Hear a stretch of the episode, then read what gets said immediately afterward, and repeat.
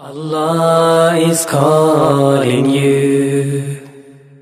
Allah is calling you. Calling you to say His name. Allah is calling you. Calling you to come home again. Allah is calling you. Remember when you were in pain. Remember when you called his name. But after he answered your prayer, you forgot that he is there. Allah is calling you. Allah is calling you calling you to say his name. Allah is calling you. بسم الله الرحمن الرحيم الحمد لله رب العالمين والصلاة والسلام على رسول الله وعلى آله وأصحابه وسلم وسلم تسليما كثيرا زاهر pripada Allahu جل شانه i donosimo salavat i na posljednjeg Allahovog poslanika Muhammeda sallallahu alaihi wa sallam. Kaže uzvišeni Allah tabarak wa ta'ala Ja ejuha alladhina amanu taku Allahe haqqa tuqatihi wa la tamutunna illa wa antum muslimun. Ovi koji vjerujete, bojte se Allaha tabarak wa ta'ala istinskom bogbojaznošću i nemojte umirati osim kao pravi muslimani. Allah tabarak wa ta'ala molimo da nas učini od oni koji ga se boje istinskom bogbojaznošću i od oni koji će umrijeti samo kao pravi muslimani i molimo ga subhanahu wa ta'ala da ga sretnemo, a da on sa nama bude zadovoljan. Kao što ste čuli i obaviješteni, tema o kojoj sam mislio da govorimo večeras nosi naslov plodovi tevhida. Međutim, bojim se da ću direktno o ovom to jeste o plodovima tevhida, govoriti najmanje. Jer uvijek kada se spremam za predavanje, za ovde, u BKC-u, želim nekako dosta toga da kažem. Pa budem prinuđen da dosta stvari skratim ili nikako ne spomenem. A, s obzirom da je ova tematika bitna, e, također je bitno ukazati na neke stvari koje su direktno vezane za tevhid, odnosno koji su od uzroka ovih plodova tevhida, a to je ispravno poimanje, ispravno poimanje tevhida.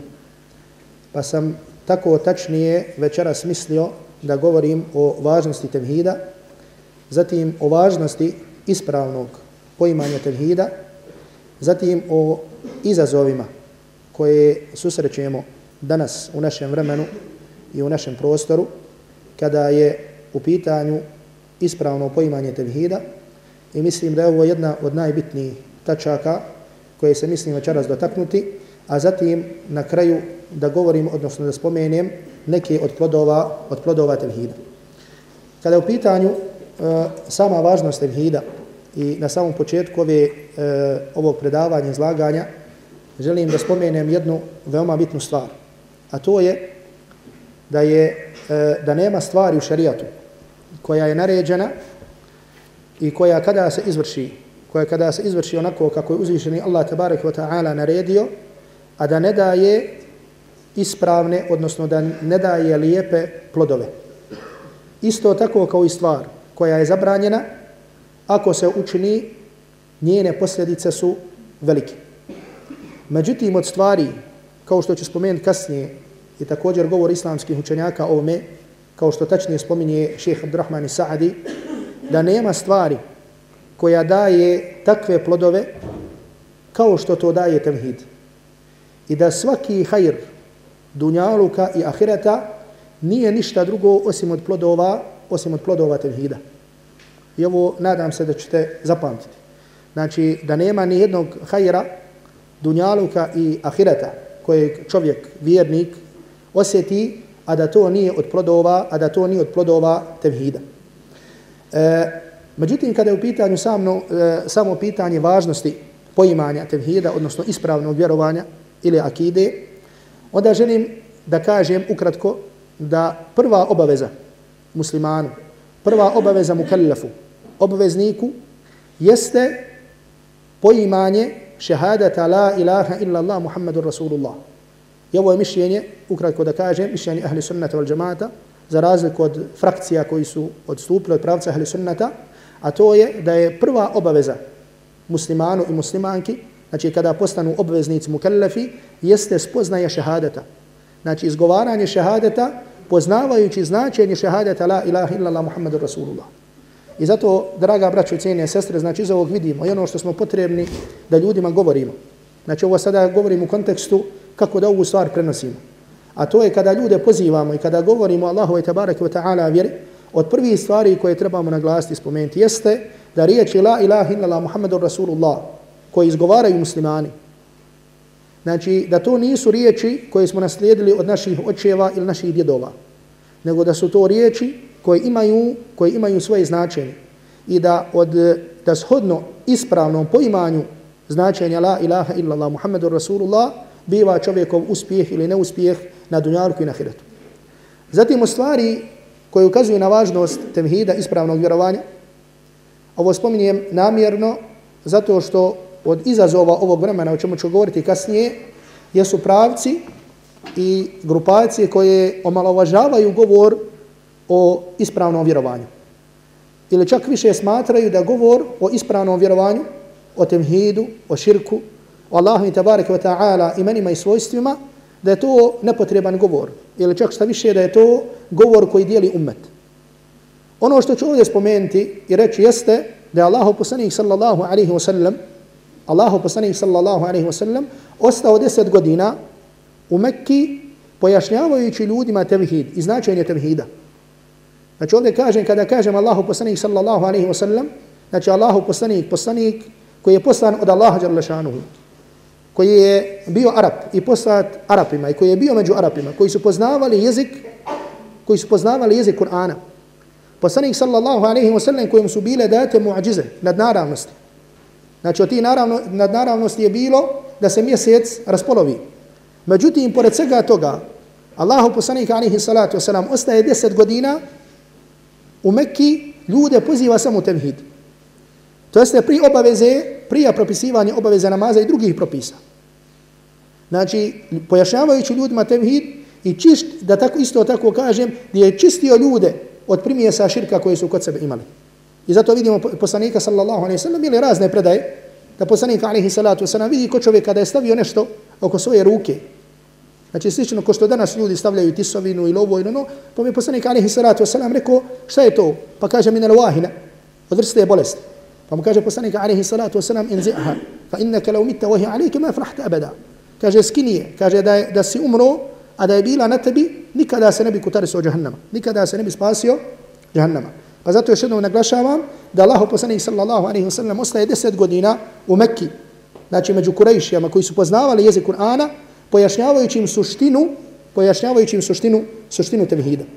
Zatim također ako pogledamo e, od stvari koje ukazuje na važnost i bitnost temhida, ispravnog vjerovanja, jeste ako pogledamo suštinu govora, ako pogledamo suštinu Kur'ana, vidjet ćemo da, da u stvari Kur'an, sve da kažemo o čemu govori Kur'an, jeste temhid. I zato kaže Ibn Abil Azza al-Hanafi, poznati učenjak hanafijskog mezheba, kaže wal Kur'anu kulluhu fi tawhid. Kaže sav kur'anski govor je o temhidu. Čak i kada govori se o propisima, znači propisi su od znači trgova tevhida. Jer onaj koji bude činio propise bit će nagrađen, a onaj koji ostavi ili koji bude suprotno tome bit će kažnjen. Znači čitav kuranski govor se vrti oko čega? Vrti se oko tevhida. Oko poimanja Allahu tabareke wa ta'ala, poimanja Allahu tabareke wa ta'ala jednoće. I zato ono što želim da se također dotaknem jeste e, obaveznost naglašavanja ispravnog poimanja tevhida. Jer ovi plodovi o kojima želim i misli, o kojima sam mislio da govorim, ne mogu doći osim ako ko čovjeka ne budu, ako ko čovjeka ne bude ispravno poimanje tevhida. Ako ko čovjeka bude ispravno poimanje tevhida, kako je došlo u Kur'anu i sunnetu Allahovog Rasula sallallahu alaihi wasallam, onda možemo očekivati da će doći, da će doći plodovi tevhida o kojima ćemo govoriti. I zato, znači, ako bi htjeli da kažemo da svi islamski propisi i da svi da kažemo svo islamsko vjerovanje se vrti i da je tumačenje i od ogranaka la ilaha illallah Muhammadur Rasulullah ne bi pogriješili. I zato la ilaha illallah Muhammadur Rasulullah i ispravno poimanje šehadeta je osnova čovjekovog uspjeha na dunjaluku i čovjekovog uspjeha na ahiretu. I zato islamski učenjaci, kada govore o značenju la ilaha illallah, ovdje spominjem kao primjer, kažu da je ovdje negacija i potvrda. A to je negiranje svakog božanstva ili svakog vida obožavanja i potvrđivanje tog božanstva samo uzvišenom Allahu tebareke wa ta'ala. Znači negacija i potvrda. I kako bi ispravno razumjeli, kako bi ispravno razumjeli ovu stvar, moramo nužno da se vratimo i da pogledamo i sagledamo kako su, kako je bilo vjerovanje mušrika Mekke u vremenu objavljivanja Kur'ana. I ovo je jedna možda od najbitnijih stvari koje večeras ovdje želim da spomenem. I nadam se da ćete je zapamtiti i drugima prenijeti. Znači, ako želimo da razumijemo od stvari koje nam pomažu da ispravno razumijemo la ilaha illallah Muhammedu Rasulullah, jeste da vidimo kakva je bila priroda vjerovanja, odnosno kakvo je bilo vjerovanje mušrika Mekke koji su bili mušrici. Za koje je Kur'an rekao da su mušrici. Mušrici Mekke, Allah vam dao svako dobro, nisu govorili da ne vjeruju u Allaha tabaraka wa ta'ala. Znači, što se tiče, da kažemo, pojave, odnosno pravca ateizma ili negiranja, Boga i negiranja Allaha tabaraka wa ta'ala, znači to nije bilo prisutno u njihovom vremenu. Znači mušici Mekke su tvrdili da vjeruju Allaha tabaraka wa ta'ala. Zatim ne samo da vjeruju Allaha tabaraka wa ta'ala, nego su tvrdili da vole uzvišenog Allaha tabaraka wa ta'ala. I volili su uzvišeni Allah jalla šanu potvrđuje da su mušrici volili uzvišenog Allaha. Kada kaže وَالَّذِينَ آمَنُوا أَشَدُّ حُبَّ لِلَّهِ Oni koji vjeruju, oni više Allaha vole jedno od dva mišljenja mufessira jeste da ovaj ajet znači oni koji vole, oni koji vjeruju, više vole Allaha nego što mušrici vole Allaha. Zato što mušrici vole Allaha, međutim, pored Allaha vole svoje božanstvo. Međutim, ljubav mu'mina i muvahida prema Allahu tabarak wa ta'ala jeste samo prema njemu subhanahu wa ta'ala, ne prema drugima. Naravno, ovdje se misli ljubav koja podrazumijeva poniznost i pokornost. Znači da neko pogrešno ne razumije, jer čovjek ima ljubav prema djetetu, prema ženi, prema prijatelju. Ne, ljubav koja uzrokuje poniznost i veličanje, to je ljubav koja biva vezana samo za uzvišenog Allaha tabaraka wa ta'ala. I zato mušrici, Allah Đalešanu potvrđuje da su mušrici Mekke, šta? Volili uzvišenog Allaha tabaraka, volili uzvišenog Allaha tabaraka wa ta'ala. Čak šta više, vjerovali su da čine uzvišenom Allahu tabaraka wa ta'ala ibadet. Da se približuju uzvišenom Allahu. Znači svoj, svoja djela, tačnije svoj šir koji su činili, znači vjerovali su šta? Da i to približava uzvišenom Allahu. Kada uzvišeni Allah subhanahu wa ta'ala navodi njihove riječi, kada kaže Ma na'buduhum illa li uqarribuna ila Allahi zulfa. Mi ne obožavamo. Znači, ova božanstva koja su obožavali kao što je Lat, je Uzzat i Manat, ne obožavamo ih osim da nas oni približe uzvišenom Allahu. Znači, oni nisu vjerovali da Lat i Uzzat da stvara, niti da daje smrt, da daje život, da daje kišu, da daje ovo, da daje ono, ne. Vjerovali su da sve to čini uzvišeni Allah tabarak wa ta'ala. I zato vjerovanju Allaha jalla šanu kao gospodara je potpuno bilo prisutno kod mušrika. Međutim, gdje je bio problem? Znači sad dolazi pitanje zašto su mušici postali mušrici? Zato što su svoj ibadet usmjerili nekom drugom mimo Allaha tabarak wa ta'ala. A to jeste svojim božanstvima. Znači to je prva stvar. Zato što su ibadet usmjerili nekom drugom mimo Allaha tabaraka wa ta'ala. I zato što su vjerovali da ih, da i ta božanstva približuju uzvišenom Allahu jalla šanuhu. Znači njihovo vjerovanje u lata i uzzata i tako dalje, da sad ovdje ne želim da govorimo o istorijatu ovih naziva. Znači uzvišeni Allah jalla šanuhu spominje e, glavna božanstva koji su mušrici Mekke obožavali. Spominje u Kur'anu, spominje lata, spominje uzzata, spominje Menata i tako dalje. Znači, po mišljenju velikog broja mufessira, to su bila imena dobrih ljudi. To su bila imena dobrih ljudi koji su služili hađama kao što se spominje u, u nekim mišljenjima i tako dalje. Međutim, iz ljubavi prema njima ljudi su počeli da obožavaju. Međutim, kako da ih obožavaju?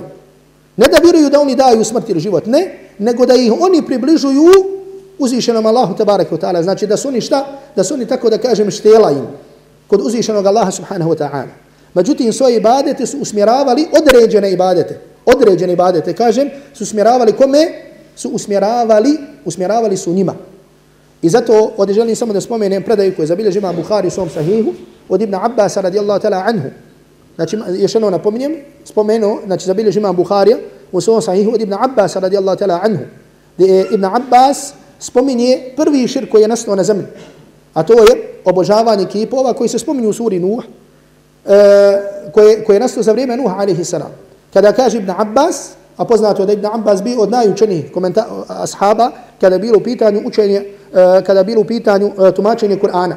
Da kaže Ibn Abbas za imena onih božanstava koji se spominje, kaže da su to esma u riđali salihin, da su to imena dobrih ljudi koji su bili za vrijeme Nuh alaihi salam. Međutim, kada su ti ljudi umrli, šeitan je došao ljudima i rekao zašto ne biste napravili nešto na njihovom kaburu, znači na mjestu gdje su oni zakopani, kako bi vas podsjećalo na njihovi ibadet. Kako bi vas šta podsjećalo na njihovi ibadet. Pa su ljudi to učinili. Pa kad je došla druga generacija, zašto ne biste još malo to povećali? I tako dalje, sve dok nije izumrlo nekoliko generacija i dok nije došao šetan ljudima i rekao zašto ih, ne biste, zašto ih ne biste počeli obožavati. Pa su i počeli da ih obožavaju. Pa tako prvi širk na zemlji koji je nastao, prva devi, devijacija od stupanja od tevihida je bilo preko dobrih ljudi, ili da kažemo tačnije preko kaburova, preko kulta umrlih. I zato govor o ovoj stvari, odnosno o veličanju kaburova, o umrlima i tako dalje, znači ne može niko da dođe da kaže da je to stvar koja danas nije bitna. Je danas na veliku žalost, znači skoro nećemo naći, da kažemo sredine muslimanske, a da još uvijek ne postoje, da kažem, ovi kulti. A to je veličanje umrlih, veličanje kaburova i tako dalje. I zato uh, u stvari koje sam mislio, uh, kao što sam vam rekao, znači mislio sam da govorim e, od stvari koje sam mislio večeras da spomenem, jesu neki savremeni izazovi kada je u pitanju, odnosno stvari koje stoje na putu ispravnog poimanja, poimanja temhida. Od stvari, od stvari koje, da kažemo, negiraju temhid kod muslimanskih masa, znači jeste, na primjer, naravno, da ne govorim nijekanje Allaha, tebarek wa ta'ala, psovanje Allaha, ismijavanje sa Allahom vjerom i tako dalje. Međutim, jedna od tih stvari jeste veličanje kaburova. I zato ovdje moram spomenuti. Ne mogu da ne spomenem i da kažem, znači, da na veliku žalost, još uvijek kod nas, znači, jedan broj tih manifestacija u kojima se nalazi ova stvar, se predstavlja kao vjerska manifestacija. Znači, bilo da se radilo o Ajvatovici, bilo da se radilo o Blagaju, bilo da se radilo na kakvim pećinama i tako dalje. Znači to se predstavlja kao šta? Znači da su to vjerske manifestacije bošnjaka muslimana. Međutim, sa strane Kur'ana i sunneta i govora učenjaka i hanefijskog mezheba i tradicionalne naše uleme, znači to su stvari koje nemaju nikakve veze sa vjerom. Pa je činio kog god je činio. I zato mogu vam samo spomenuti ukratko, znači da sam napisao jednu studiju, opširniju, e, govor o Ajvatovice kroz govor učenjaka hanefijskog mezheba, gdje se možete vratiti na govor tih na, na govor tih učenjaka. Međutim, naravno, svi ljudi koji ode tamo ne čine iste stvari. Međutim, o stvari koji se čini jeste, znači, jesni širk. Veliki širk koji izvodi za Allahove tabarak wa ta'ala vjere.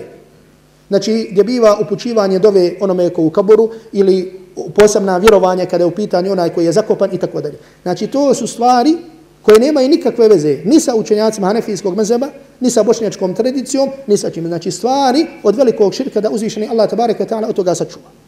I u toj studiji ovdje sada nemam vremena, znači da spomenem, znači spomenuo sam govor učenjaka Valiullaha Dehlavija, znači jednog poznatog učenjaka hanefijskog mezeba iz Indije, znači prostor, kao što sam rekao da danas skoro nema sredine, a da ti kultovi kaburova nisu prisutni.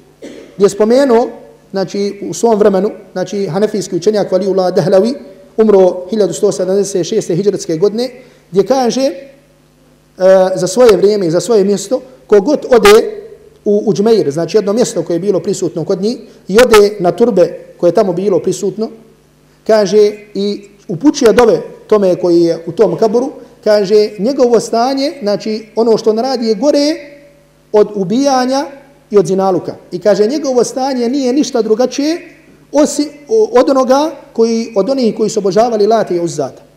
Od onih koji su obožavali late i Uzzata. I zato još jednom kažem, znači da ove manifestacije, znači pećine, ajvatovica, te stvari, znači nemaju nikakve veze sa Allahom tabaraka ta'ala vjerom. I oni koji odu tamo i upućuju dove nekom drugom mimo Allaha tabaraka ta'ala, od toga prave božanstva koje se obožavaju mimo uzvišenog Allaha tabaraka ta'ala. I može se nekome činiti da je ova rečenica malo jaka ili da malo žestoka, međutim kažem, da takvi činovi nisu ništa drugo osim kao obožavanje late i uzzata. I naši učenjaci s ovih prostora, ispomenuo sam tamo e, je govor Rahmetli Mehmeda Hanđića, Rahmetli Mehmed Hanđić, alim ovih prostora, je pozivo javno i tadašnji grejs sulamu i tadaš, tadašnji međulis Ulama je pozivo, Ulama međulis je pozivo da se ukine ta, da tako kažemo, manifestacija. Znači, pozivo je javno na ukidanje takvih manifestacija. I zato, znači, svak onaj koji poziva Allahu tabaraka ta'ala, znači, mislim da mora da bude ustrajan u pozivanju, odnosno, u, odnosno na ukazivanje na ovakve stvari i na pozivanje da se ove stvari ukinu. Druga stvar koja je izazova jeste postojanje velikog broja pravaca i sekti koje pozivaju u vjerovanje koje je odstupilo od vjerovanja ahli sunnata wal džamata. Međutim, naravno, govor o tim zabludama, e, govor o njihovim zabludama, ne možemo da govorimo. Uzalo bi nam puno vremena. Međutim, želim samo da spomenem e, one pravce i one sekte koji pozivaju u otvoreni i veliki širk. I ovdje ću kao primjer toga spomenuti šije. Znači šije koje su prisutne, koje djeluju i kako djeluju, koje pozivaju širk. I na čelu tih organizacija i skupina nalazi se fondacija Mulla Sadra. I od odgovora koje ste možda imali priliku da pročitate ili ne, znači gdje je neko upitao, postavio pitanje da li ima zapreke da dozivam, da dobijem Hazreti Fatimu. Pa je odgovor bio, nema nikakve zapreke da dozivaš Hazreti Fatimu. Znači, upočivanje dove nekome mimo Allaha tabaraka wa ta'ala je širk po konsenzusu islamskih učenjaka. Međutim, ome sad ovdje ne želim da govorim opširnije. Ono što ću spomenuti samo, znači što bi trebali e, neki da se pozabave, jeste da vide kakav je stav bio učenjaka hanefijskog mezheba prema, da kažemo, sekti ili grupaciji koje se zovu šije. Ja trenutno uh, radim na jednoj studiji slično ko što Ajvatovic, a to je koja nosi naslov šije u dijelima učenjaka nefijskog mezeba, uh, e, gdje mogu da kažem vam sada, prije nego što jeli, izađe i bude objavljena, da kod učenjaka nema, da kod učenjaka nefijskog mezeba ne postoji razilaženje, ne postoji razilaženje da su šije, odnosno oni koji imaju njihovo uvjerenje i ubjeđenje, da su to pojedinci ili grupe koji su izašli iz okvira Allahove tabareke wa ta'ala vjere. I također sa e, strane historije, znači šije kao šije su bili neko koje je zadao veliki, zadavao velike udarce islamskom hilafetu. I odgovora koji ću spomenuti jeste govor Ebu Sauda. Znači Ebu Saud je bio šehhul islam u, za vrijeme Osmanlija. Znači, znači Osmanlije su došle, znači kod nje šehhul islam bio, da tako kažemo, znači bila je pozicija. Znači šehhul islam kao vrhovni muftija ili vrhovni rejs ulama.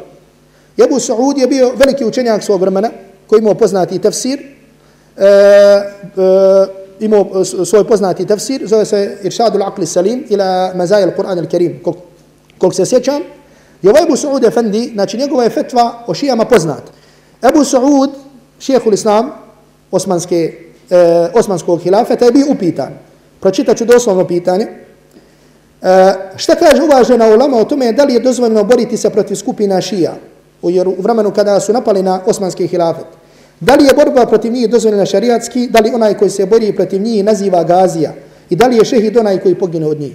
Pa Ebu Saud odgovorio da borba protiv njih se smatra, smatra najvećim stepenom džihada i pogibi od njih se smatra najvećim stepenom šehadeta. Mimo ovoga, naravno, spomenuo sam još govor učenjaka Hanefijskog mezeba, znači koji nisu vezani samo direktno za fetve. Međutim, znači, ovo je stav učenjaka Hanefijskog mezeba, o onoj grupi ili onoj grupaciji koji su, nažalost, kojima, kojima su danas, nažalost, vrata naširoko otvorena. I na veliku žalost ovo moramo da priznamo i da kažemo. Da njihovom djelovanju, da su vrata otvorena na, naširoko. Znači, od toga što i možemo slušati ili gledati svakog Ramazana. Da ne kažem do postojanja, a to sad kod vas može donijeti sud, da li toga ima ili nema. Ja znam onome što su moje oči vidjeli, što su oči moje čule znači od postojanja imama koji sa, sa nekim stvarima njihovog ubjeđenja. Znači koji govore o Muavi, da ne kažem čak one za koje znam da sam mimbere, mimbere da su govorili o Ebu Bekru i Omeru radijallahu ta'ala anhu. I na veliku žalo za njih se kaže da za njih ovdje, da za njih ovdje ima mjesta. Ono što je još tužnije, i ono što ću vam ovdje, što želim da kažem, a to je da smo danas svjedoci musibeta koji dolazi od, od šija i koji dolazi od Irana. Znači od, da kažemo, Bahreina, pa do Jemena, pa do današnjih dešavanja u Siriji, u Iraku i tako dalje. Znači, kada je prije 10 ili 20 ili 30 godina, oni učenjaci koji su ukazivali na njihovo zlo, znači oni su bili predmet ismijavanja. I na veliku žalost, kada je ših Ibn Džibrin, rahmetullahi alaihi, kada je ukazao na šije i na Hezbollah ili Hezbollat i da nije dozvoljeno dobiti za njih, znači bio je predmet, predmet ismijavanja velikog broja čak islamskih učenjaka. Znači kako to da kaže da nije dozvoljeno? Pa je došlo vrijeme kada, je, kada su pripadnici Hezbollah, Hezbollata, kad su bili veće zlo za sirijski narod nego što su to bili, da kažemo, i ovi ili oni i tako dalje. I zato govor o njima i onaj ko govori o njima i kako može biti predmet ismijavanja. Međutim, ono što želim da iznesem svoje ovdje skromno mišljenje, a to je da kada, u pitanju, kad su u pitanju naši prostori, djelovanje šija je ovdje još od prije rata. Još od prije rata preko uh, ambasade u Beogradu, koja je bila jeli, republike, takozvane islamske republike Iran i prevođenja dijela Humeinija i tako dalje. Eh, šije i tekako imaju svoju metodologiju, odnosno imaju svoje periode djelovanja i svoju postepenost prilikom djelovanja. Uglavnom, do sada, oni su postigli sve ono što su želili. Ovo iznosim svoje skromno mišljenje. A to je da su šije postigli sve ono što su želili. Jer nemojte misliti da je namjera šija da dođu i da traže od jednog bošnjaka odmah da postane šija. Ne. Ako to mislite, grdno se varamo. Ono što je priroda njihovog djelovanja jeste da ljudima prvo ubace šubhe, odnosno dilema u njihovo vjerovanje. Pa da ljudi počnu govoriti, pa pazi, ono što je bilo između ashaba, ne zna se tu ko je bio na istini, ko je tu bio, ko je tu bio u pravu. Da se kaže, pa možda i ovo istina, možda i ovo i tako dalje. Dotle da smo imali prije par mjeseci priliku da, e, da smo imali priliku da čujemo i da vidimo, znači gdje je došlo do govora o Kur'anu. I o tome da li je Kur'an potpun, ovaj koji mi ovdje imamo, jer taj Kur'an nije potpun. I naravno nisu odmah ni tu došli sa mišljenjem direktno onog njihovog vjerovanja, da ovo što ima što mi imamo ovaj Kur'an i kojeg učimo, da to nije potpuni Kur'an, nego da je to jedna trećina ili jedan dio Kur'ana, dok cijeli Kur'an imaju njihovi imami, kako već kaže, nego su spomenuli kako tu u njihovom mezobu postoji razilaženje. I ono što, se, što je još tragičnije od svega toga, što je još tragičnije od svega toga, što moram kazati, da su naše institucije pozvale nakon toga da dotična fondacija, odnosno fondacija Mulla Sadara, da ne odgovara, rezultat svega toga je bilo da se zatraži od fondacije Mulla Sadra da ne odgovara na pitanje koje su vezane za fik, koja su vezane za pravo. Znači, je to suština problema, da kažemo, kada su pitanju šije, znači, pitanje fikha, hoće li se klanjati spušteni ruka ili se neće klanjati spušteni ruka. Što znači, kada je u pitanju vjerovanje, kada je u pitanju, ili kako to oni rade, pitanje islamske misli ili filozofije, jer onu, oni sve svoje vjerovanje ne šire uvijek pod imenom islamsko vjerovanje, nego često e, islamska filozofija, e, istočna filozofija, e, misao kod e, mula sadre širazije, tako dalje, međutim šire, da tako kažemo, svoj kufri, svoje nevjerstvo. I rezultat toga je bio to. Međutim, znači, do, došli smo do toga da se na našim prostorima, znači, govori otvoreno javno da se iznose mišljenja kako je moguće da ovaj Kur'an nije znači da nije, da kažemo, čitav, nego da je ovo samo dio, da je samo dio Kur'ana. I zato ponavljam još jednom, na veliku žalost, na veliku žalost, znači, o ovom problemu se ne, do, ne govori onoliko koliko je potrebno. I na veliku žalost, ova sekta i ova grupa je ostvarila ono što želi, za sada. I zato oni kako gledaju na budućnost i gledaju šta će imati za 10, 20, 30 godina i tako dalje. I zato se ne mojete čuti što danas imamo pojedinaca među bošnjacima koji kažu ja sam šija. Ili ja da sam imao pravo da biram, ja bi izabrao da budem šija i tako dalje. Znači, islamske zemlje u kojima nekada nije bilo nijednog šije, kao što je, na primjer, Liban, ili, znači, prije 10, 20 ili 30 godina, period prelaženja našizam je bio upravo nakal kroz koji to prolaze, da kažemo, pojedinci danas, koji posjećuju, koji posjećuju ovakva mjesta, odnosno ovakve organizacije. E, zato ovdje nužno moram da se dotaknem stvari, a to je da je, e, da, e, da spomenem obaveznost ukazivanja na novotarije. Posebno kada su u pitanju stvari širka. Draga braćo i cijene sestre, kada je u pitanju govor o tevhidu i govor o širku, tu nema nikakvog kompromisa. Znači tu nema nikakvog kompromisa, niti popuštanja, niti govora ovako i onako. Znači govor o tevhidu je govor o tevhidu, govor o širku je govor o širku. Naravno, i taj govor biva, potpun, e, biva, biva postepen.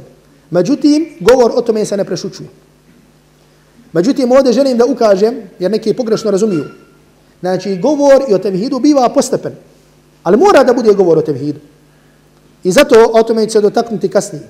Šeheh Muhammed ibn Abdul Wahab, rahmetullahi alihi, kada je u svom životu, kada je počeo da ljude poziva u tevhid, i njihovo mjesto, u njegovom mjestu gdje je bio, je bio kabur Zaid ibn Khattaba, brata od Omer ibn Khattaba, oko, oko kojeg su ljudi tavafili i kome su ljudi upućivali dove.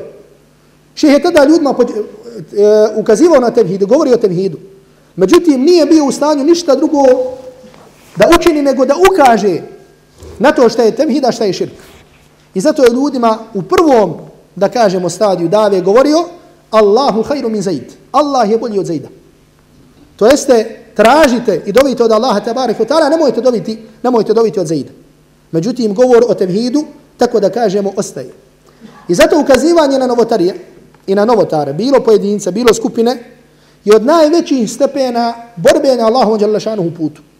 I zato islamski učinjaci naglašavaju i kažu da je ukazivanje na novotarije i na ovakve pravce veći stepen i bolji od borbe na Allahovom putu koja je nama poznata kao borba na Allahovom putu.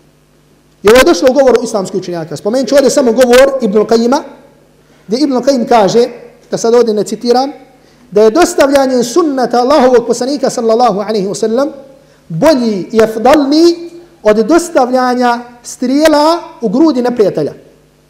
Jer kaže, ovu vrstu dostavljanja, to može svaki pojedinac. Međutim, dostavljanje sunnata Allahovog poslanika sallallahu alaihi wa sallam, to mogu samo nasljednici Allahovih poslanika ili njihovi nasljednici. I zato kod islamskih učenjaka ne postoji razilaženje da je odgovor novotarama i novotarskim pravcima vrsta džihada koja je bolja od onog džihada koji je nama poznat, da kažemo kao, kao, kao džihad. Zato što je cilj svake vrste džihada znači da dođe i da zavlada i da zavlada istina. Ovdje se želim dotaknuti jedne stvari, a to je, kao što spominje Ibn Hazm, na veliku žalost nemam vremena da vam spominjem e, citat, međutim samo vam ukazivam.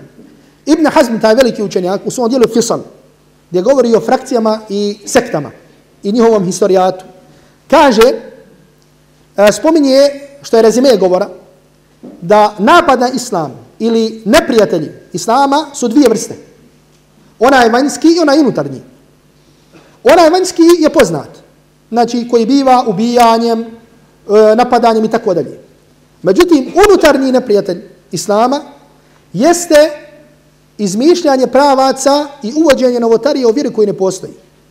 I ono što čega se dotiče Ibn Hazm ovdje, što kaže, ako bi pogledali historijat poznatih frakcija, kao što su džahmije, kao što su šije na kraju krajeva, kao što su haridžije, znači vidjeli bi da su oni u stvari produkt neprijatelja Islama.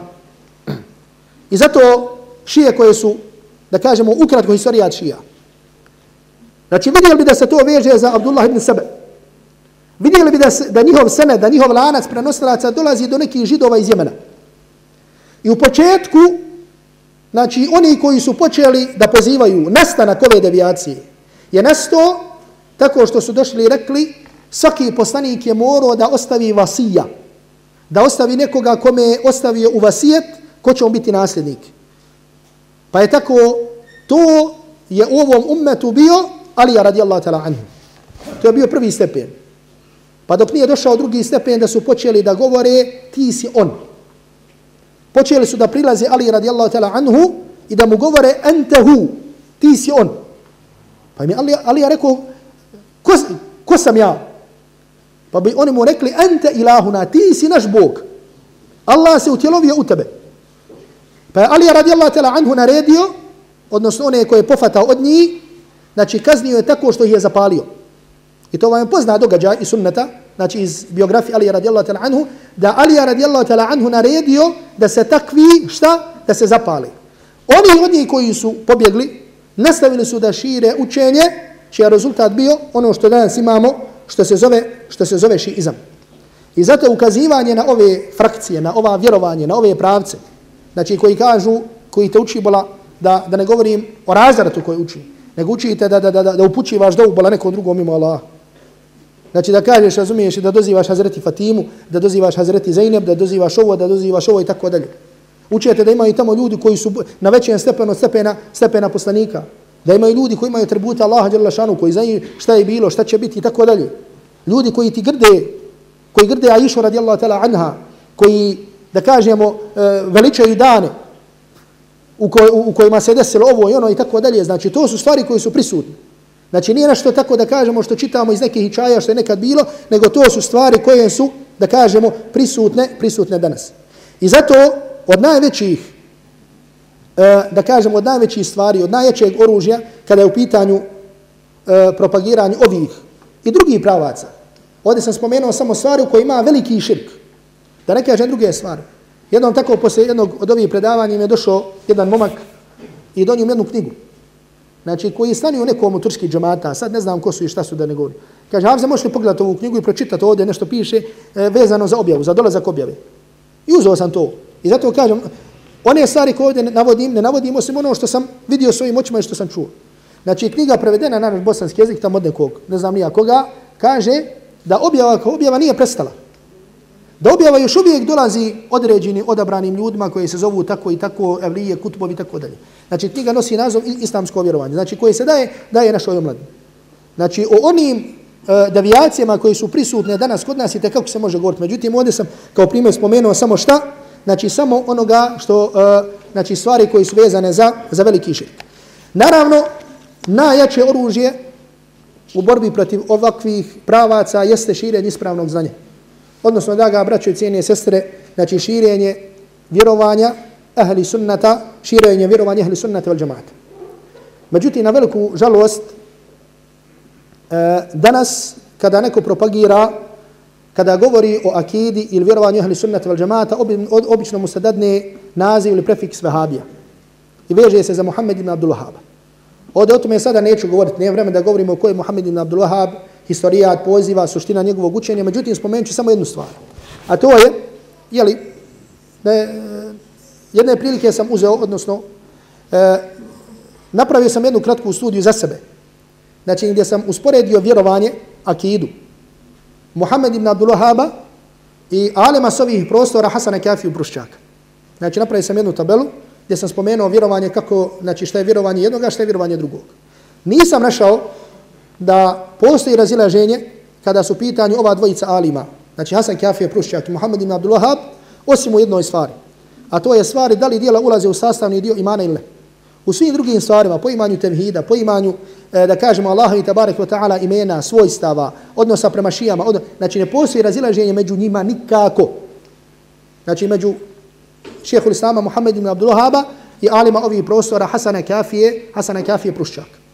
I zato da kažem, znači ovdje nemam vremena da govorim o, o, o učenju ovog islamskog e, ovoga učenjaka, međutim želim samo, želim samo da spomenem ovu stvar. I zato ne samo kada su pitanje ove, e, ove devijacije, nego bilo koje devijacije koje su vezane za, e, za akidu, za vjerovanje. Bilo da se radilo kada u pitanju širk, bilo, kada je, bilo da se radilo o devijaciji koju moram ukratko da spomenem, koje je vezano za haridžijsku ideju, Nema oružja proti takvih stvari osim širenja ispravnog vjerovanja koji se temelji na govoru učenjaka ahli sunnat val džamata.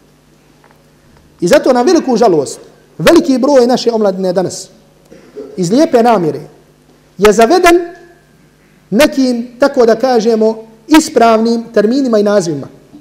Kao što je tevhid, kao što je kufru taguta, kao što je sud po Allahovom zakonu i tako dalje. Međutim, iako su ovo sve nazivi, znači po pitanju koji nema razilaženja. Međutim, dosta puta nazivi mogu biti ispravni, međutim, da se sa njima hoće neistina. Kao što je rekao Ali radijallahu ta'la anhu u vremenu pojave Haridžija, Jer Haridžija kada su došle sa govorom, došle su sa čistim, ispravnim govorom. A to je da su rekli inil hukmu illa lillah. Sud pripada samo Allahu. Pa Ali radijallahu ta'ala anhu kada je to čuo rekao kelimatul haqqi yuradu biha al-batil. I riječ istine sa kojim se hoće neistina.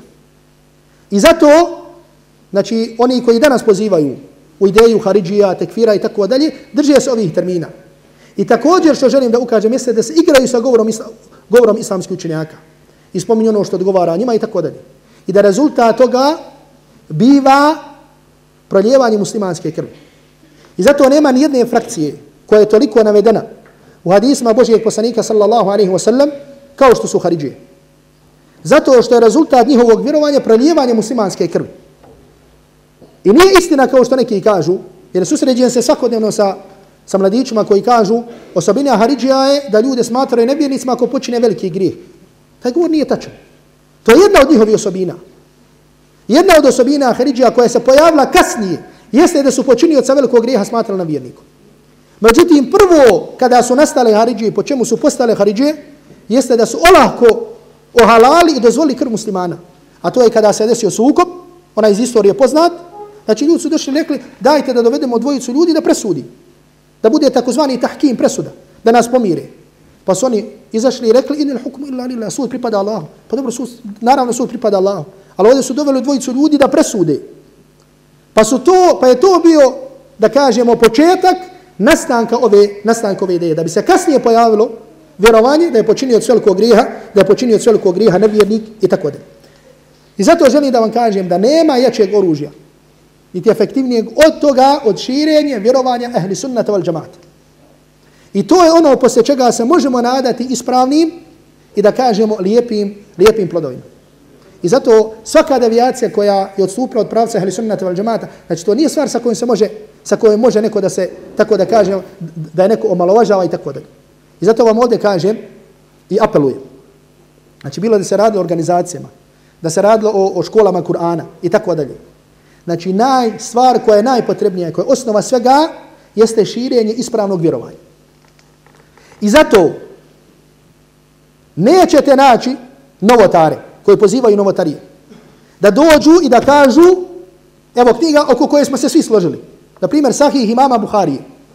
Evo, otvorit ću ovu knjigu da ovu, da ovu knjigu tumači. Zašto? Zato što u toj knjizi je dokaz protiv njega. Znači oni koji negiraju da se Allah Đelešan uzdigao iznad Arša. Koji kaže Allah nije ni unutar svijeta, niti van svijeta.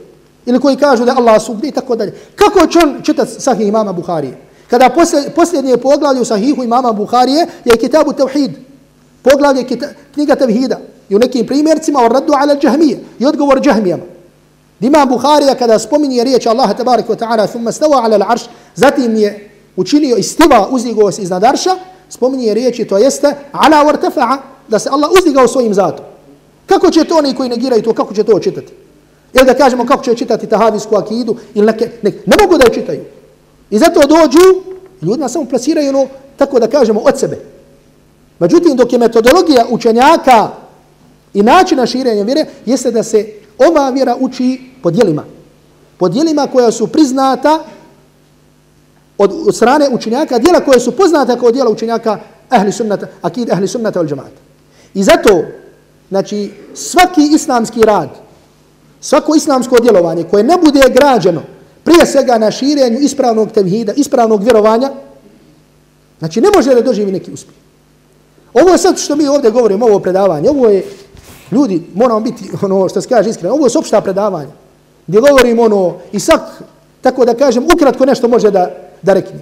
Međutim, ako hoćemo ličnost muslimana, jednog mladića, jedne djevojke, to mora biti građeno znači da tako kažemo, na jakim temeljima, koje se ne može sutra poljuljati. I zato vam kažem da je preče učenje ispravnog vjerovanja, ispravne akide, od učenja bilo čega, od učenja teđvira, ispravnog učenja Kur'ana.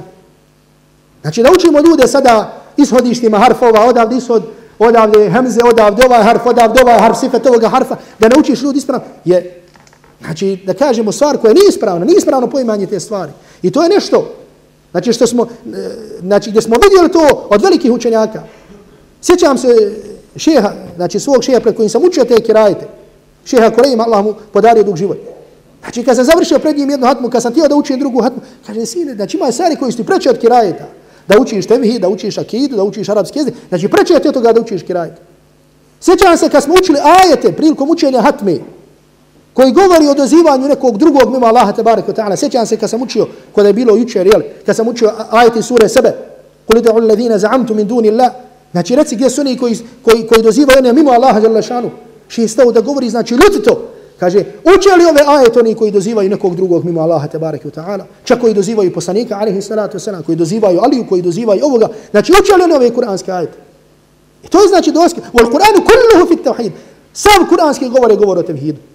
I zato vam kažem, znači preče od učenja bilo čega je učenje ispravnog poimanja, ispravnog poimanja, ispravnog poimanja tevhida. I zato još jednom ovdje kažem, znači nadam se da, da ovu stvar, jer e, hvala Allahu Đalešanuhu, ova se stvar e, e, akida i učenje i vjerovanje ahli sunnata vel džemata se proširilo na našim prostorima. Znači proširilo se u smislu u ovom vremenu da je jako. I nema, ovo je stvari koje želim jeli, da, da ohrabim sebe, onda siju, siju vas. Znači, mi sada imamo jake ljude, učene ljude kada je u pitanju učenje i vjerovanje i menhađ ahli sunnata val džemata. I vi znate ko su nema potrebe ovdje da spominjem, da spominjem njihova imena. I Islam opstoji na takvim ljudima. Nemojte misliti da Islam opstao, da, ga, da Allah, Allah Đalešanuhu je sačuvao Islam preko jakih učenjaka koji se nisu bojali radi Allahove riječi ničijeg prijekora. Institucije, organizacije, sve to danas do sutra. Institucije, organizacije su uvijek bile prepune ljudi i licemjera i ovakvi i onaki koji su uradi svoje koristi. Međutim, i na našim prostorima da nije bilo ist, istinski učenjaka koji su volili ovu vjeru, živili za ovu vjeru. Allah, dragi, zna šta bi se desilo. Međutim, znači imamo jake učenjake koji se savaju velike učenjake koji čuvaju, da kažemo, pomno ovu vjeru i sunnet Allahovog poslanika sallallahu alaihi wa sallam. I zato ne treba da zato strahujemo. Međutim, samo treba da radimo na širenju Allahove tabarak wa ta'ala vjere, na širenju pozivanju u Allahu jalla šanu vjeru, jer Allah je robovi. Mi često puta kada govorimo o, o, o, o, o akidi, znači tamo nailazimo, tako da kažemo neka mišljenja koje su čudne. Znači, na primjer, kao što kažu to neki pravci, kada, gdje je Allah jalla pa kažu nije unutar svijeta, nije van svijeta. Hajde ti sad skontaj. Znači, nije unutar svijeta, nije van svijeta. Znači, te, da, da kažemo, komplikacije su nastale od tih sekti. Islamsko vjerovanje je tako jednostavno i lahko da se može naučiti bola za 15-20 minuta. Allahom poslaniku, alejhi salatu wasalam, su dolazile delegacija, dolazili ljudi i kaže Allahom poslaniku, poduči nas šta je to Islam. Poduči šta je to islamsko vjerovanje. Kao što je hadis u Buhari i Muslimu, gdje je došla delegacija Abdul Kajsa i kaže Allaho poslaniće, ne možemo da ti dođemo osim u ovim mjesecima, to jeste u svetim mjesecima, kada nije kada Arapi nisu ratovali. Jer između nas i tebe je pleme koje, sa kojim smo u ratnim odnosom. Pa kaže, famurna bi amrin, nuhbiru bihi man vara'ena nedhulu bihi l'đanne. Pa Allaho poslaniće obavijesti nas o stvarima koje možemo prenijeti onima iza nas, to jeste koji su u našem mjestu, nedhulu bihi l'đanne. Pa im je poslanik alihi salatu wasalam naredio četiri stvari i zabranio četiri stvari. Naredio im je da vjeruju Allaha, pa im je rekao, znate li što je vjerovanje u Allaha? Vjerovanje Allaha je šehadet, la ilaha illallah Muhammedu Rasula, obavljanje namaza, davanje zekijata i tako dalje. I oni su otišli sa tim, bili muslimani, živjeli na tome, umrli na tome i bili ashabi. Znači vjerovanje koje je jednostavno. Međutim, kada su došle frakcije i skupine, da sad ne govorimo o tom historijatu, Znači koji su počeli da govore, e ako to znači to, to znači to, ako Allah Đelšanu iznad Arša, znači da se kreće, ako se kreće to znači da je predmet, ako je predmet znači da ga obuhvataju strane, a ga obuhvataju strane znači da je stvoren i tako dalje. Znači sad su došli, da kažemo, neprijatelji Islama koji su bacili te, koji su bacili te klice. I zato da kažemo, vjerovanje koje se gradi na Kur'anu, na sunnatu Allahovog Rasula sallallahu alaihi sallam je jednostavno. Znači koje prihvata, koje može da prihvati da kažemo svaki čovjek koji ima razum koliki god bio da njegov bio inteligent intelekt. Bio ni, nivo njegove inteligencije. I zato oni takozvani islamski filozofi koji su bili, da kažemo, poznati, koji se i danas veličaju nekim krugovima, pred kraj svojih života se, se vraćali od, to, od tog svog vjerovanja. I zato se prenosi da kada je Fahrudin Razi, poznati, poznati filozof, koji se vratio na kraju, ostavio to svoje, kažu kad je prošao sa skupinom učenika iza sebe, Pa kaže, rekao jedno i njeni, kaže njeno, kaže ovaj čovjek ima sto dokaze za postanje Allaha. Kaže, sin, ovaj čovjek ima sto šubhi za postanje Allaha. Zar mu treba dokaz za postanje Allaha? I ljudi su prije govorili, ljudi koji su bili od fitre, kaže, zar treba dokaz koji te upućuje na nekoga koji je dokaz svemu? Zar treba dokaz da te upućuje na nekoga koji je dokaz svemu? I tako dalje, da ne govorim sada, znači, druge primere, znači, ti takozvanih velikana, koji su bili velikani u tim stvarima, međutim, koji se vratili, znači, na ono prirodno, normalno vjerovanje ehli sunnat, ehli sunnat vel džemat. Naravno, ovdje, kao što sam rekao, znači, da ne kažem da sam vas prevario, znači, da ćemo o plodovima tevhida kao plodovima najmanje govoriti. Međutim, spomenut i ukratko. Rekao sam vam, i to je govoriš i Abdurrahmana Sa'adija, kada je u pitanju plodovi tevhida, da kaže da ne postoji stvar koja ima tako, e, takve tragove i raznolike plodove kao što je to tevhid, jer svaki hajre dunjalu koja je hireta je od plodova tevhida i njegove vrijednosti. Pa tako Allahovi robovi od plodova tevhida jeste da onaj čovjek koji umre na tevhidu, da e, umiranje na tevhidu spriječava da čovjek bude vječno od stavnika džahannama. I tako mi Allah da je samo ova vrijednost tevhida bila bi, da kažemo, dovoljno. Ako ovo smijem ovako da kažem, jeli, kao vid proveličavanja, odnosno ukazivanje na ovu stvar. Znači, samo spriječavanje vječnosti u džahannamu, Allah Đalešanu nas od toga sačuvao je od plodova tevhida.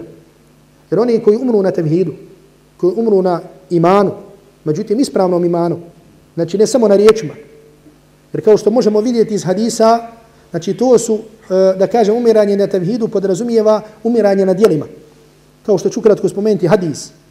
Znači, da je samo vrijednost tevhida da čovjeka sprečava vječno od boravka u džahannamu, znači bila bi, bila bi, velika, bila bi velika vrijednost. I e, zato ću ovdje samo spomenuti, znači hadis koji je zabilio žima i Muslim od, od Itbana ibn Malik al-Ansarija, da Allah poslanih sallallahu alaihi wa sallam kaže fa inna Allahe harrama ala nar man kale la ilaha illa Allah jebtagi bi dhalike vajha Allah.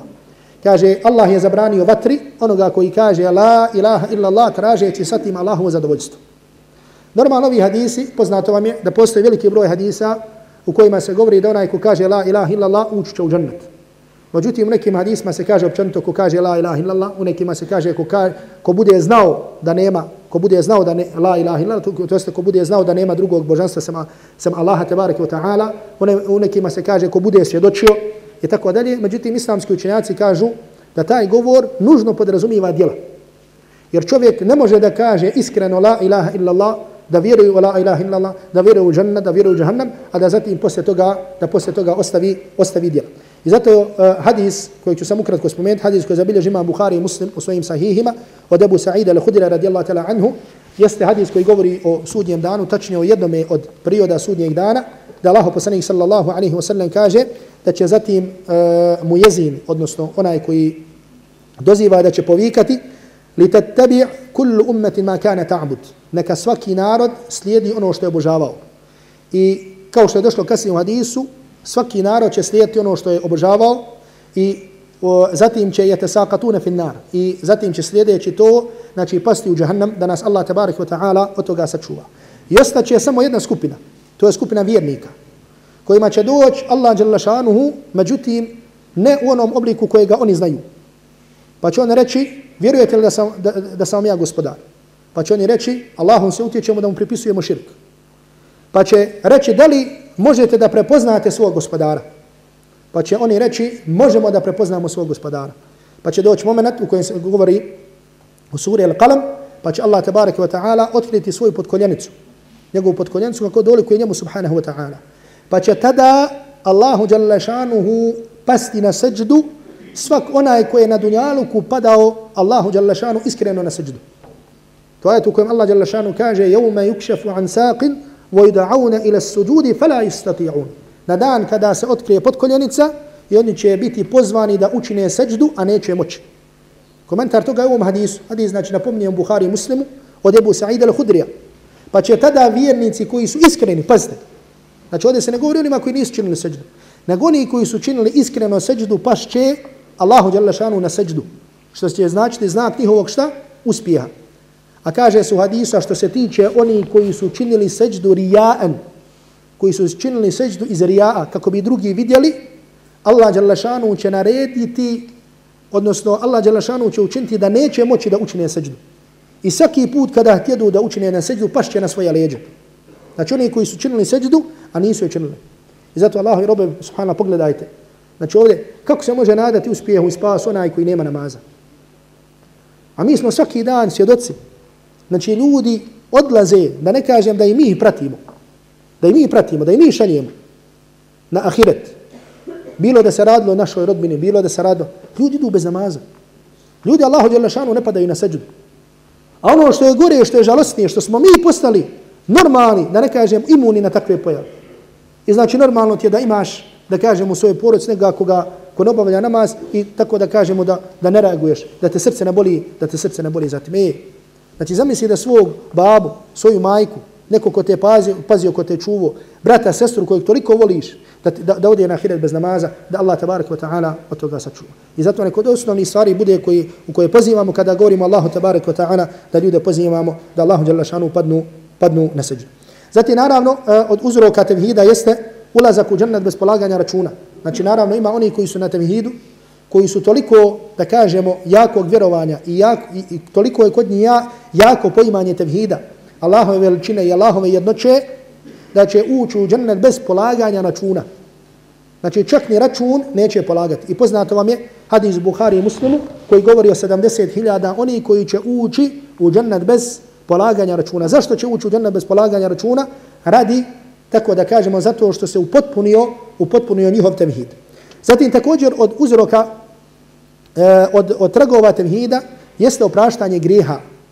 Koliko god da ih čovjek ima. I zato, kao što je došlo u kuci hadisu koji je zabilježio, imam muslim u svom sahihu od Ebu Dharra, od Ebu Dharra al-Ghifarija, mada se prenosi, znači, poznati u dosta, dosta dijelova, dijela se spominje da ga zabilježi imam termizi, naravno zabilježi ga, međutim hadis je također u sahihu imama muslima, da Allah tabaraka wa ta'ala kaže وَمَنْ لَقِيَنِي وَمَنْ لَقِيَنِي بِقُرَابِ الْأَرْضِ خَطِيئَةً لَا يُشْرِكُ بِي شَيْئًا laqituhu bi misliha maghfiratan. Kome sretne sa grijesima koliko je zemaljska kugla, a zatim me sretne ne čineći mi širk, ja ću ga sresti sa isto toliko oprosta. Međutim, ova izraz ovdje ne čineći mi širk. Znači, bez, da, kao što kažu islamski učenjaci, samo ukratko ću kazati, znači da sretne Allaha bez primijesa, bez ikakvih primijesa širka. Bilo da se radilo primijesa velikog ili čak malog širka. Znači, mali širk, širk u namjerama. I zato ono što je došlo u hadisu Allahovog poslanika sallallahu alaihi wa sallam jeste da ono što je došlo uh, u hadisma poslanika sallallahu alaihi wa sallam, znači kao što je ovaj hadis, da onaj ko sretne Allah, uh, odnosno što sam htio spomenuti, da ono što se poslanik sallallahu alaihi wa sallam najviše bojao za svoj ummet, jeste da se bojao rija'a. A to je da će ljudi činiti, znači ono djelo, znači sa kojima neće biti samo da traži Allahu tebareke ve taala zadovoljstvo, nego će tražiti također zadovoljstvo ljudi. Također od e, plodova tevhida jeste olakšavanje činjenja dobrih dijela i ostavljanje zabranjenih dijela. I ovo je jedna velika stvar koju želim samo da vam spomenem, da o njoj razmisli, razmislite, a to je da onaj koji je spoznao Allaha jalla šanuhu, ta njegova spoznaje čini da olahko čini dobra djela. I da olako, svata, da olako ostavlja stvari koje uzvišeni Allah dželle šanu zabrani. Međutim, to se ne postiže Allahovi robovi osim sa spoznajom uzvišenog Allaha tabaraka wa ta'ala. A spoznaja uzvišenog Allaha tabaraka wa ta'ala biva preko spoznaje Allahovih imena i njegovih svojstava. I zato kao vjernik, ako znamo da Allah tabaraka wa ta'ala, da od svojstva, od, od Allahovi tabaraka wa ta'ala svojstava, da se Allah dželle šanu srdi, da se Allah tabaraka wa ta'ala srdi, znači srdi se onako kako dolikuje njemu. Allah jalla šanu kaže kućini tako i tako, gadib Allahu alihi, Allah će se na njega rasrti. Znači možeš učiniti dijelo koje će rasrti tvoj gospodara. Znači, da li bi neko mogao da živi, kako, kakav ima osjećaj da živiš u nekom gradu gdje se nekoliko, da kažemo, uh, utjecajni ljudi u tom gradu da su ljuti na tebe. A zamisli činjenica toga da znaš da činiš djelo koje Allah ne voli ili da kažem tačnije radi kojeg će se Allah Đelešanu rasrti na tebe. Ili čak od, od svojstava Allaha tabaraka wa ta'ala jeste da prezire. Prezire kako doliko njemu. Prezire neke od svojih robova. Kerih Allahum bi'athahum kada spominje munafike. Da prezire to što su oni ostali. Znači možeš biti od onih na koje se Allah rasrdio, od onih koje Allah Đelešanu ne voli, od onih koje Allah Đelešanu mrzi. Sve to svojim djelima. Dok možeš biti od onih za koje Allah Đalešanuhu kaže radi Allahu anhum. Allah je sa njima zadovoljan. Zamisli taj osjećaj da Allah tabarak wa ta'ala bude zadovoljan sa tobom. I zato onaj koji razmišlja o Allahu tabarak wa ta'ala, koji upoznaje Allaha dželle šanu preko njegovih svojstava, kao što kažu islamski učenjaci, i zato je spoznaja Allahovi lijepih imena i svojstava toliko bitno. Kao što kažu islamski učenjaci, da su vrata, da vrata spoznaje Allaha tabarak wa ta'ala, jeste spoznaja Allahovih lijepih imena i svojstava. Spoznaja Allahovih lijepih imena i svojstava. Zatim također eh, od, od plodova tevhida, znači samo ću spomenuti ukratko, pročitati, jeste što olakšava podnošenje dunjalučkih nedača. Zatim također e, tevhid je uzrok otklanjanja dunjalučkih i ahiretskih briga. Zatim od plodova tevhida jeste jedini, da je tevhid jedini način spoznaje uzvišenog Allaha tabaraka wa ta'ala. Zatim od plodova tevhida je također što oslobađa čovjeka od robovanja stvorenjima i čini da robuje samo gospodaru stvorenja. Zatim što je tevhid od uzroka istinske sreće i rahatluka na dunjaluku i na ahiretu. I ovdje ću vam samo spomenuti govor šehhul Islama ibn Taymiye, rahmetullahi alaihi, eh, koji je spomenuo njegov učenik ibn Luqayyim. Eh, I ovo je što je možda na neki način vezano za našu svakodnevnicu. Jer danas eh, sami znate koliko se ljudi, tako da kažemo, žale ili govore o toj nekoj depresiji ili toj nekoj nesreći i tako dalje. Kaže šehhul Islam ibn Taymiju, ibn Taymiye, hum allazina ja'rifuna qadre ni'mat al-iman wa yashkuruna Allaha alaiha. Kaže, to su oni koji znaju vrijednost vjerovanja i koji Allahu Đalešanu zahvaljuju na tome. Pa zato od najvećih blagodati koje nam je Allah Đalešanu podario, ako pogledamo u nas i naše živote, jeste što nas je učinio muslimanima i što nas je uzvišeni Allah tabareke wa ta'ala učinio od sljedbenika temhida, odnosno od onih koji su na temhidu. I kao što se kaže, kao što je izreka, da čovjek, odnosno kao što je pravilo, da onaj koji ne bude zahvaljivo na nekoj blagodati, da ostaje bez te, bez te blagodati. I zato najveća blagodat jeste blagodat vjerovanja, a najveće zahvaljivanje jeste zahvaljivanje Allahu tabaraka wa ta'ala na tome. Molim Allah subhanahu wa ta'ala da nas učini od onih koji zahvaljuju Allahu dželle šanuhu na blagodati upute, da nas učini od oni koji pozivaju Kur'an i sunnet Allahovog poslanika sallallahu alejhi wa sallam i da uzvišeni Allah tebareke wa ta'ala uputi ovaj narod i da olakša spoznaju Kur'ana i sunnata i vjere onako kako je došlo u Kur'anu i sunnetu Allahovog Rasula sallallahu alaihi wa sallam. Allah is calling you. Allah is calling you. Calling you to say His name. Allah is calling you. Calling you to Come home again, Allah is calling you. Remember when you were in pain. Remember when you called His name. But after He answered your prayer, you forgot that He is there. Allah is calling you.